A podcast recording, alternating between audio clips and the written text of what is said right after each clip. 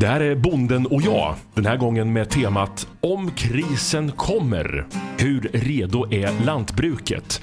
Häng med på ett intressant och spännande samtal med Johan Lagerholm utanför Katrineholm.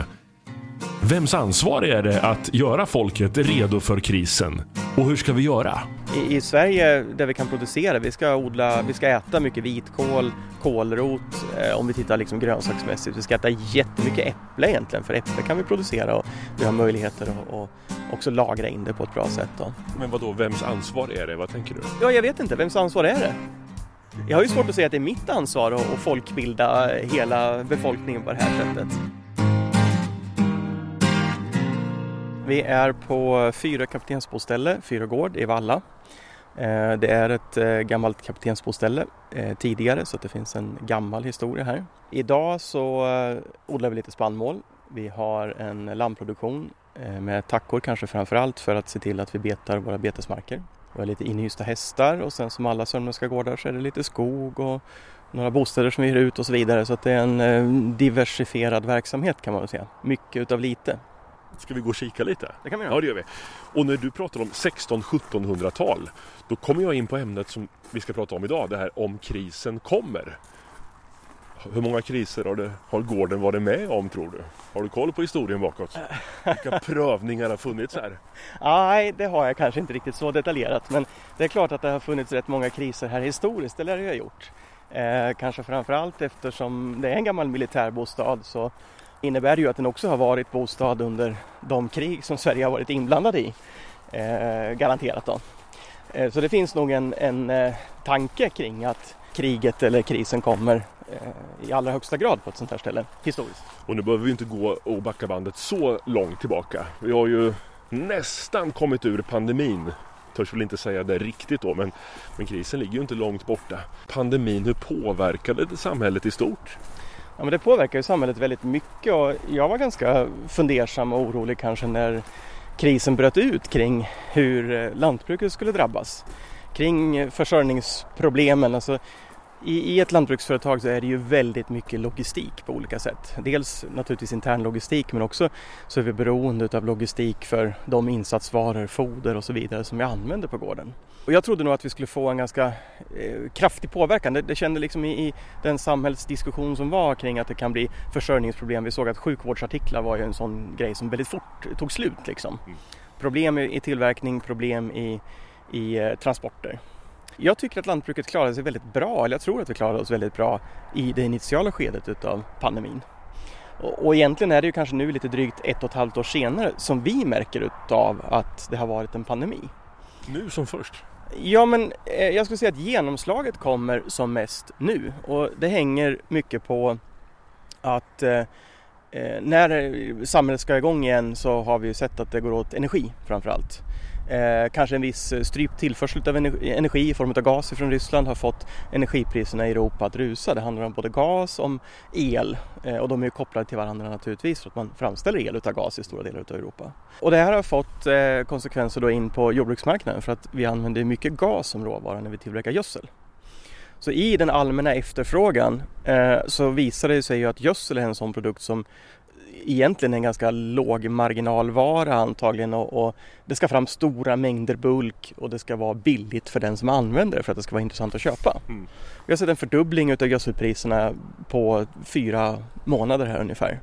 Och det innebär att just nu är det ett tufft läge att köpa gödsel och, och verkligen få lönsamhet i den eh, odling som vi kommer ha under 2022. Och i och med att vi märker det här nu ett och ett halvt år efter att krisen började, när när samhället började stänga ner. Alltså den långa eh, löptiden som det har varit här och vilket enormt dragspel det liksom har blivit på något sätt. Så kommer ju inte konsumenterna märka det förrän kanske om ett år när vi ska skörda våra produkter. Har vi inte kunnat gödsla dem då kan vi ju tänka oss att det blir mindre produkter att skörda. Sen lever vi ju på en världsmarknad i det här sammanhanget så möjligen att vi kan tänka oss att, att andra regioner kan fylla i den produktion som vi inte klarar av att göra här i Sverige eller i Europa. Exakt hur stort genomslag eh, frågan kring gödsel och, och användning av gödsel kommer att få, det, jag, kan, jag kan inte se vidden utav det ännu. Gödselproducenterna har stängt ner i Europa i väldigt stor utsträckning. Så det tillverkas ingen gödsel nu för att den blir för dyr helt enkelt. Vi har inte i Sverige i alla fall den mängd gödsel som vi skulle behöva ute på gård idag. Nej, för jag skulle fråga dig, nu står vi på din gård här och du borde ju ha gödsel själv från din produktion. Att världen och Europa påverkar din vackra gård här låter ju som, för mig då som konsument och vanlig människa, väldigt konstigt. Ja, vi har ju ingen mineralgödseltillverkning i Sverige sedan, tror jag, lite drygt tio år. Och det innebär att vi är beroende av importen där. Mineralgödsel det är ett gödsel som tillverkas i fabriker där man sätter samman olika näringsämnen till små korn.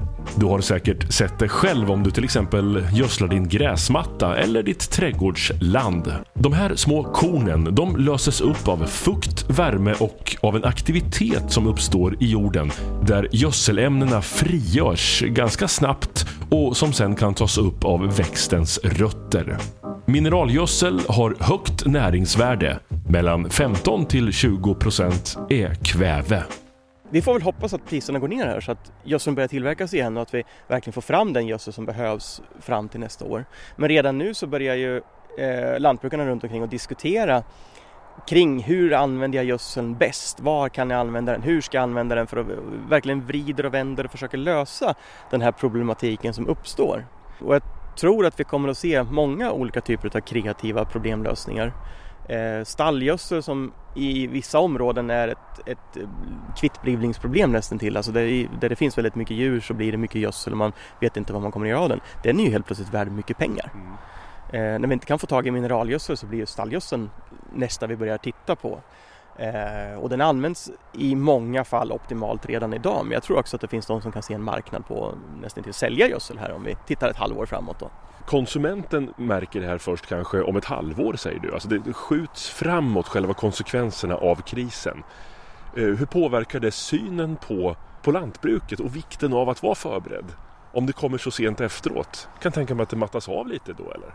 Ja, så jag skulle säga att det är mer än ett halvår, det är ett år snarare. Alltså vi har en skörd i augusti nästa år och det är efter den som vi verkligen kan sammanfatta vad, vad den här krisen har haft för betydelse på lantbruket. Eh, vi hade ju initialt en hamstring på toapapper och det var havregryn och, och det var allt möjligt. Ja. Eh, och det visar ju ändå att konsumenten är medveten om att det kan bli en brist. Eh, sen om den var motiverad fullt ut i det läget, ja det är lite svårt att säga. Hamstrar man torrvaror så det, eller konserver så är det sånt som står sig länge. Och då får vi hoppas att man också har hamstrat kanske redan nu då för om vi får en eventuell brist nästa år. Men tänk gemene man för kortsiktigt tror du? Det ska märkas liksom pang direkt att nu kommer krisen. Det här som du pratar om, effekten ett år efteråt på priserna på livsmedel och så. Kan man koppla det som konsument till det som faktiskt var då i krisen? Väldigt svårt tror jag. För att Eh, och det tror jag vi allihop lever i en kris här och nu. Jag, jag, behöver inte gå längre än till mig själv för att konstatera att ja, det hade ju varit smart att bunkra toapapper när alla andra gjorde det och ha toapapper hemma. Ja, det är inte så roligt att man kommer till affären och hyllorna är tomma. Alltså den här typen av, av eh, behov är ju väldigt svårt att förutse i förväg utan en liten klick utav befolkningen, utav konsumenterna kommer att upptäcka det väldigt tidigt eller börja tänka på det väldigt tidigt och det är kanske de som också utlöser hamstringseffekten eller effekten att, att se till att ha ett, ett eh, vara preppad. Preppers eh, pratas det lite grann om ibland. Mm. Att man liksom är förberedd på att krisen kommer. Och jag tror att fler skulle behöva vara förberedda. Sen kanske man inte behöver bunkra ett helt års mat i, i konserver i förväg. Det blir en väldigt tråkig kost tror jag då. En väldigt tråkig matsedel om man ska hela tiden, för man måste hålla liv i lagret också. Konsumera det fortlöpande. Och, och, jag tror att vi är ganska många som inte är sådär jättesugna på att äta konserver. Ja, säg att vi ska äta varannan var tredje dag då, om vi ska, ska vi bunkra ett, ett tredjedels år och hålla det färskt. Ja, då ska det vara kris på riktigt tror jag. Ja, då ska det vara kris på riktigt. Ja. I förlängningen måste vi liksom förbruka det där så att det handlar ju om att, att äta upp, upp det kontinuerligt också. Vad är det som gör att du är intresserad av just de här frågorna? Om krisen kommer och var förberedd? Jag brukar anse mig själv som att jag har ganska kortsiktiga perspektiv framåt och är dålig på att planera men eh, ibland så kommer den här tanken upp lite grann. Och när det gäller just eh, insatsvarorna i lantbruket så tror jag jag har det lite grann ifrån min, mitt yrke. Jag jobbar som växtodlingsrådgivare dagligdags och där planerar vi och diskuterar insatser långt i förväg. Eh, målet är ju att försöka eh, ja, 7-10 månader i förväg ha planerat eh, vilka insatsvaror som behövs och eh, kunna göra ett litet underlag för beställning. I år har det varit svårt eftersom eh, det har varit en tveksamhet kring eh, om det är prisvärt att köpa gödsel. Jag kommer bara in här och berätta lite vad en insatsvara är för någonting. Jo, det är en vara som används och förbrukas i tillverkning av andra varor eller i produktionen av tjänster till exempel. Insatsvaror kan vara både råvaror, halvfabrikat och konsumtionsvaror. Men det är inte maskiner. Nej, de förbrukas ju inte. Man skulle kunna säga att textila material, det är insatsvaror när man tillverkar kläder. Ja, då hoppas jag vi har rätt ut det. Och det här får mig liksom, och det har fått mig att tänka väldigt mycket på den här frågan under sommaren, under tidiga hösten här nu kring att vi behöver, behöver verkligen tänka till. Alltså om vi nu är ett halvår i förväg när vi ska använda produkterna så kan vi inte få tag i dem. De flesta tycker ju att de är väldigt långt i förväg liksom med sex månaders framförhållning. Det är vi inte i det här sammanhanget när vi helt plötsligt inte får tag i grejerna. Var är lantbruket som mest sårbara? På vilket sätt? Om vi pratar kriser. Jag skulle säga att vi är mest sårbara naturligtvis i, det vi inte kan producera själva. Det som vi måste importera och det som vi måste importera långt bort ifrån. Alltså just, ju, väldigt generellt. Ju längre logistikkedjan är både i avstånd och kanske antalet eh, aktörer som är inblandade desto svagare blir länken emellan. Eh, så det handlar ju en hel del om att vi måste tänka självförsörjningsgrad så, så långt det går. Och där vi inte är självförsörjande gödsel, växtskydd kanske vi inte alltid kan räkna med att det står på hyllan och finns och, och plocka precis när, eh, när vi behöver ha det utan vi behöver ha framförhållning och tänka och planera. Så att vara helt självförsörjande, det är inte en tanke som, som är en lösning på det här med att vara förberedd om krisen kommer? Nej, men det... vi komma dit liksom, att vi klarar oss själva? Nej, men det tror jag inte vi kommer att göra. Jag tror inte vi ska göra det heller. För att framställa växtskydd och, och gödsel, alltså det är ganska storskaliga industrier. Det är klart vi kunde önska att vi hade en, en sån framställning i, i, närheten på något sätt för att ha när, närmare till det i alla fall. Då. Men samtidigt så har vi har ju haft det historiskt. Men vi är ett jordbruksland som är väldigt litet. Vi hamnar ju långt ner i prioriteringen om, om vi tittar liksom på de stora företagens prioritering. Då. Och det gäller ju naturligtvis en tillverkning också, att vi kan inte ha en tillverkning bara för Sverige utan då skulle det vara en tillverkning för stora delar av Europa i så fall som vi kanske skulle kunna hitta möjlighet till i Sverige. Men det är mer en marknadsfråga skulle jag säga än att det är klart jag kan tycka det, eh, att det skulle vara intressant men naturligtvis är det ju marknaden och, och efterfrågan, tillgången som avgör det. Är det ett problem att, att konsumenten, nu har jag en förutfattad mening, säg gärna emot mig. Men att konsumenten kanske inte riktigt har koll på vad lantbruket betyder för den vanliga dagen. Vår mat och allt det här som vi liksom bara tar för givet.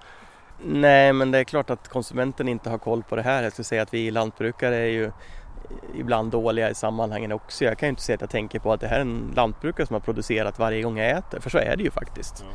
Jag tar ju själv för givet att sakerna finns eh, hemma, att jag har varit förutseende och handlat hem det i kylen hemma eller i skafferiet hemma.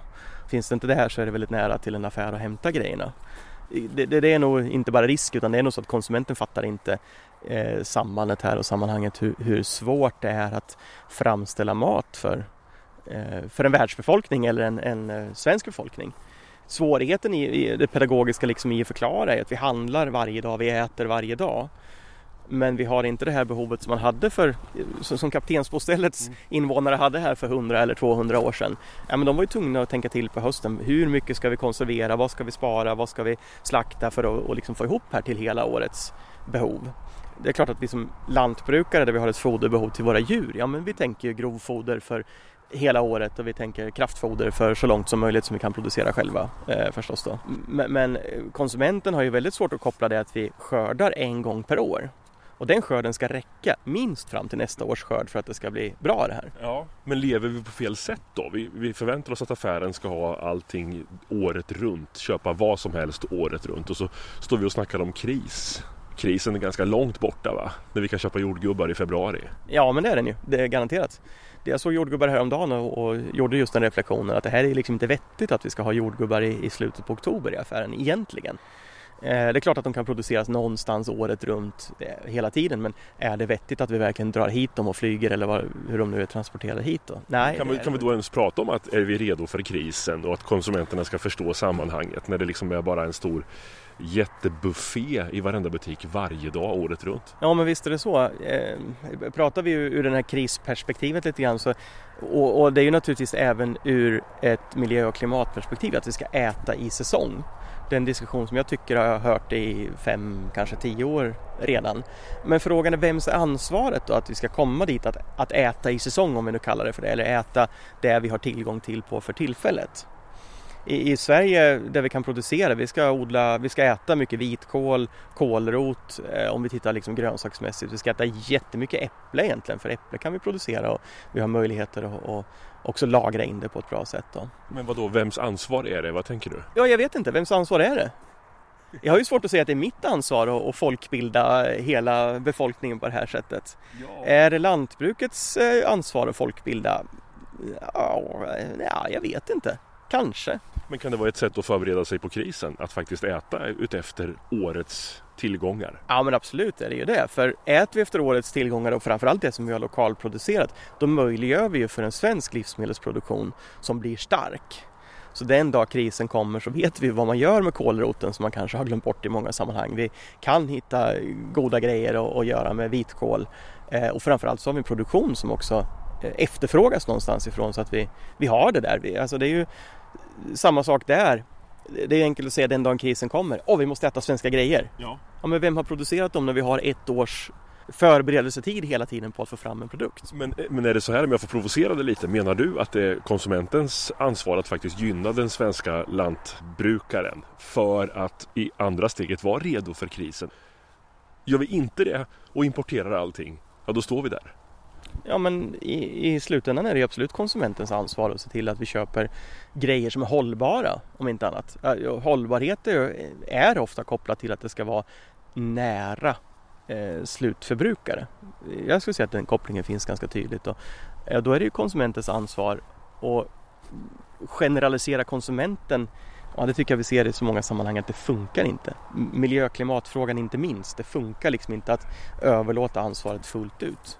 Sen har jag ju svårt att se att någon ska gå in och reglera och tvinga också. Det, jag vet inte, vi hade kallat det kanske för sunt bondförnuft om vi hade varit i, i lantbruket. Att, att vi verkligen tänker till och ser till att äta, äta sånt som vi också har nytta av i, i en eventuell kris senare. Vad ser du för typ av kriser framåt då? Nu har vi just eh, gått igenom pandemin, vi är inte helt ur den än. Men vad kan, vad kan hända? Ja men pandemin eh, är ju ett exempel på vad som kan hända. Nu är det väl kanske då hundra år av spanska sjukan sen sist eh, vi fick en så pass allvarlig pandemi. Ändå har ju farhågorna funnits eh, sista tio åren med fågelinfluensa och svininfluensa och så vidare.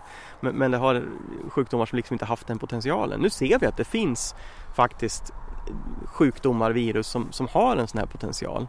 Eh, det innebär ju att vi kan absolut se att att det kommer tillbaka någonting i, i framtiden också. Sen är det ju svårt när det bara händer var, var hundrade år för man tappar ju garden alltså ganska fort och, och ja. ja. ganska trött på pandemiläget Faktiskt. just nu.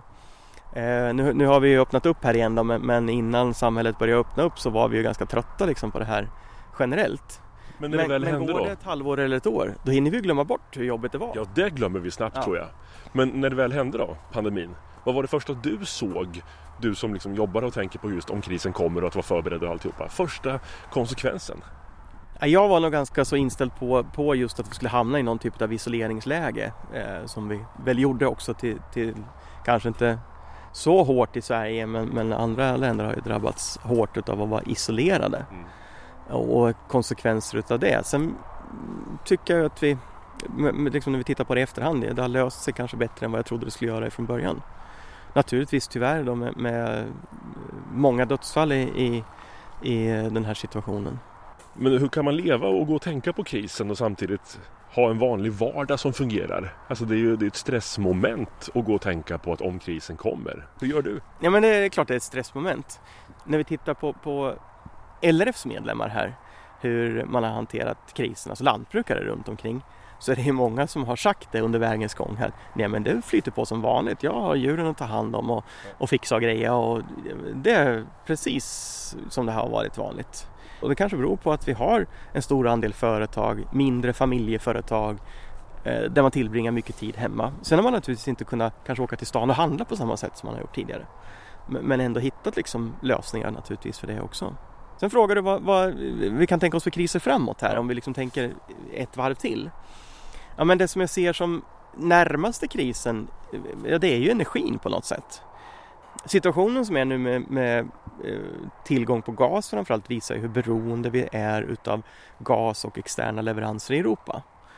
Eh, en sån fråga kring att vi inte får fram eh, gas, får fram energi, el, värme tillsammans med kanske att vi har svårt att få fram livsmedel till, till bra pris åtminstone, att livsmedelspriset blir högt, att det blir dyrt helt enkelt. Dyrt med både mat och värme. Det kan leda till en ganska obekväm situation i många sammanhang. Alltså det är två grundläggande behov. Mm.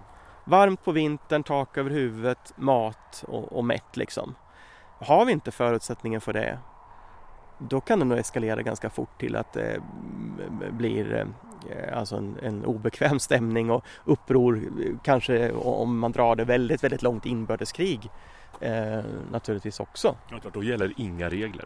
Nej, det blir ju det så verkligen. Ingenting gäller längre när, när vi hamnar i den typen av kris. Det finns ju många exempel på att, att det är det som leder fram till en intern oro på något sätt. Då. Och då har du ändå inte pratat om eh, miljö och klimatomställningen. Det är den jag liksom är lite grann inne på varför att den kan ju eller kan, jag skulle säga att ganska övertygande om att den kommer att leda till någon typ av energikris. För visst är det så att vi måste vi måste ställa om våra verksamheter och, och kanske framförallt ställa om konsumtionen. Vi, vi, generellt i västvärlden konsumerar vi alldeles för mycket varor och produkter som inte är hållbart. Ska vi minska den konsumtionen eh, så kommer det att innebära ett helt annat liv för väldigt många merparten av energin som vi framställer i världen idag, eller merparten vet jag inte, men väldigt mycket i alla fall, är ju naturligtvis ett fossilt ursprung på. Det är naturgas, det är bensin, diesel, råolja som ligger bakom på något sätt. Och det är ett jättepussel att ställa om det här. Och innan vi är framme i det pusslet fullt ut, då har vi absolut den här risken för kris igen. Så att egentligen så handlar det här inte om att om krisen kommer. Är vi i krisen? Kanske? Ja, vi är kanske i krisen på något sätt. Just eftersom energifrågan är så het när vi pratar elpris och gaspriser som vi har gjort många gånger nu. Hade vi stått för 20 år sedan med samma typ av pandemi mot slutet är det inte säkert att vi hade haft samma effekt eh, i det här sammanhanget utan vi hade vridit på lite mer på de kranar som fanns och, och dragit upp lite mer olja och, och, och, och så löst det eh, väldigt enkelt och lätt.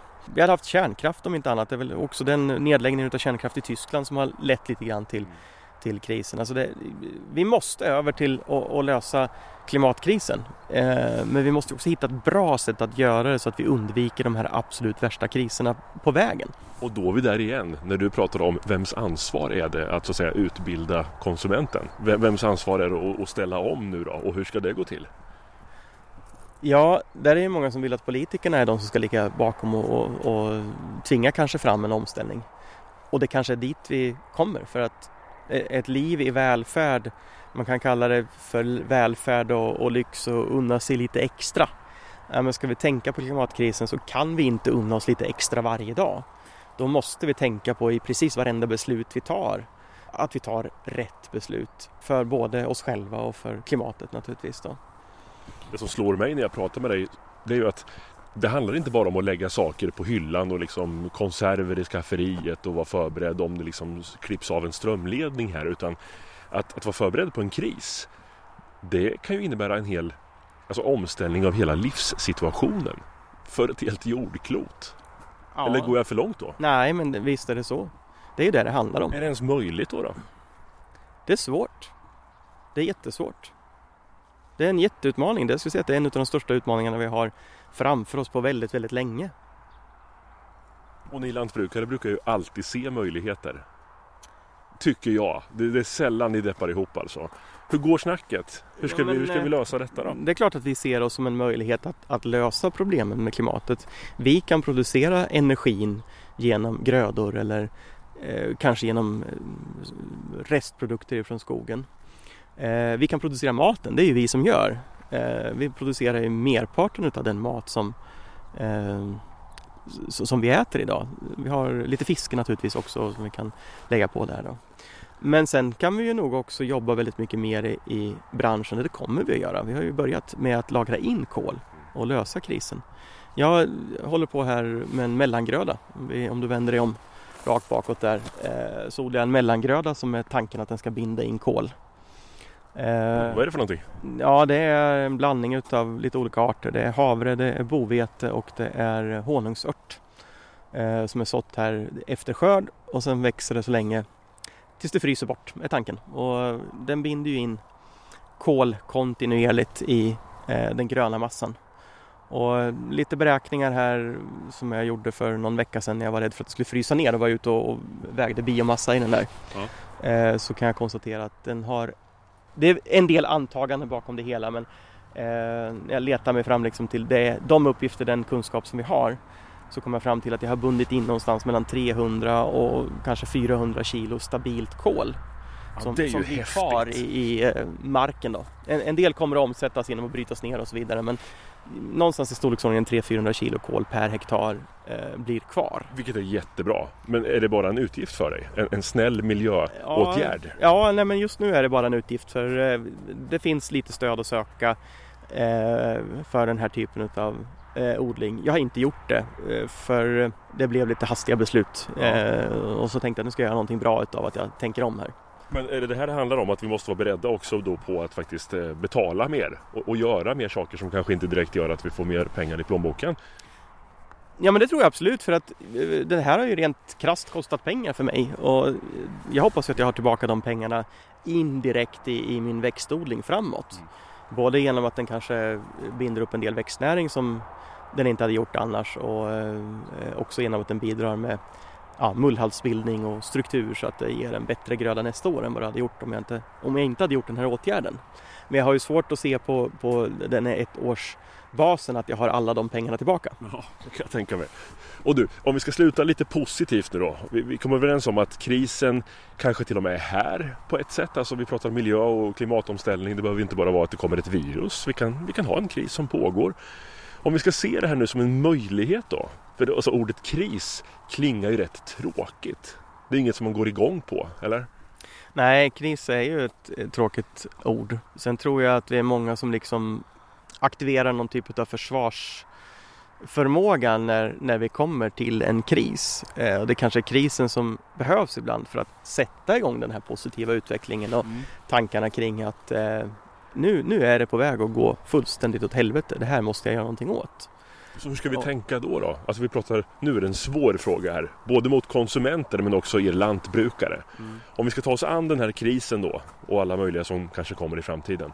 Hur ska vi göra för att se det som en, som en möjlighet istället? Jag tycker att vi måste börja tänka, eh, precis som jag har sagt här nu, en, en sammanfattning av det hela. Vi ska börja tänka på att vi eh, äter närproducerat eh, svenskt. Att vi i viss mån som konsument kanske tänker till lite grann på vad jag har hemma. Det, det ska, ju inte, det ska ju vara liksom saker som går att lagra längre period utan eh, ström också. Det kan vara bra att tänka på. Eh, jag kan ju känna det själv ibland. Alltså jag har ju viltkött och, och lammkött som, eh, i, i, frysen som räcker länge. Men jag har ingen generator ifall strömmen försvinner. Eh, så det, är Förlåt, inte, men, det är inte värt så mycket. Nej, det var en god tanke. Men ja, om precis. krisen kommer, ja. då får du äta som fasen. Då får jag äta väldigt mycket väldigt fort eller mm. försöka att torka det, salta, mm. göra någonting utav det. Ja. Du har lyssnat till Bonden och jag, en poddradioserie från LRF. Ansvarig utgivare, det är Carl Selling. Och det finns många, många fler spännande ämnen och avsnitt i den här serien så det är bara att klicka sig vidare och fortsätta lyssna. Jag heter Mattias Lindholm och är programledare och producent för den här serien. Jag hoppas att vi hörs snart igen.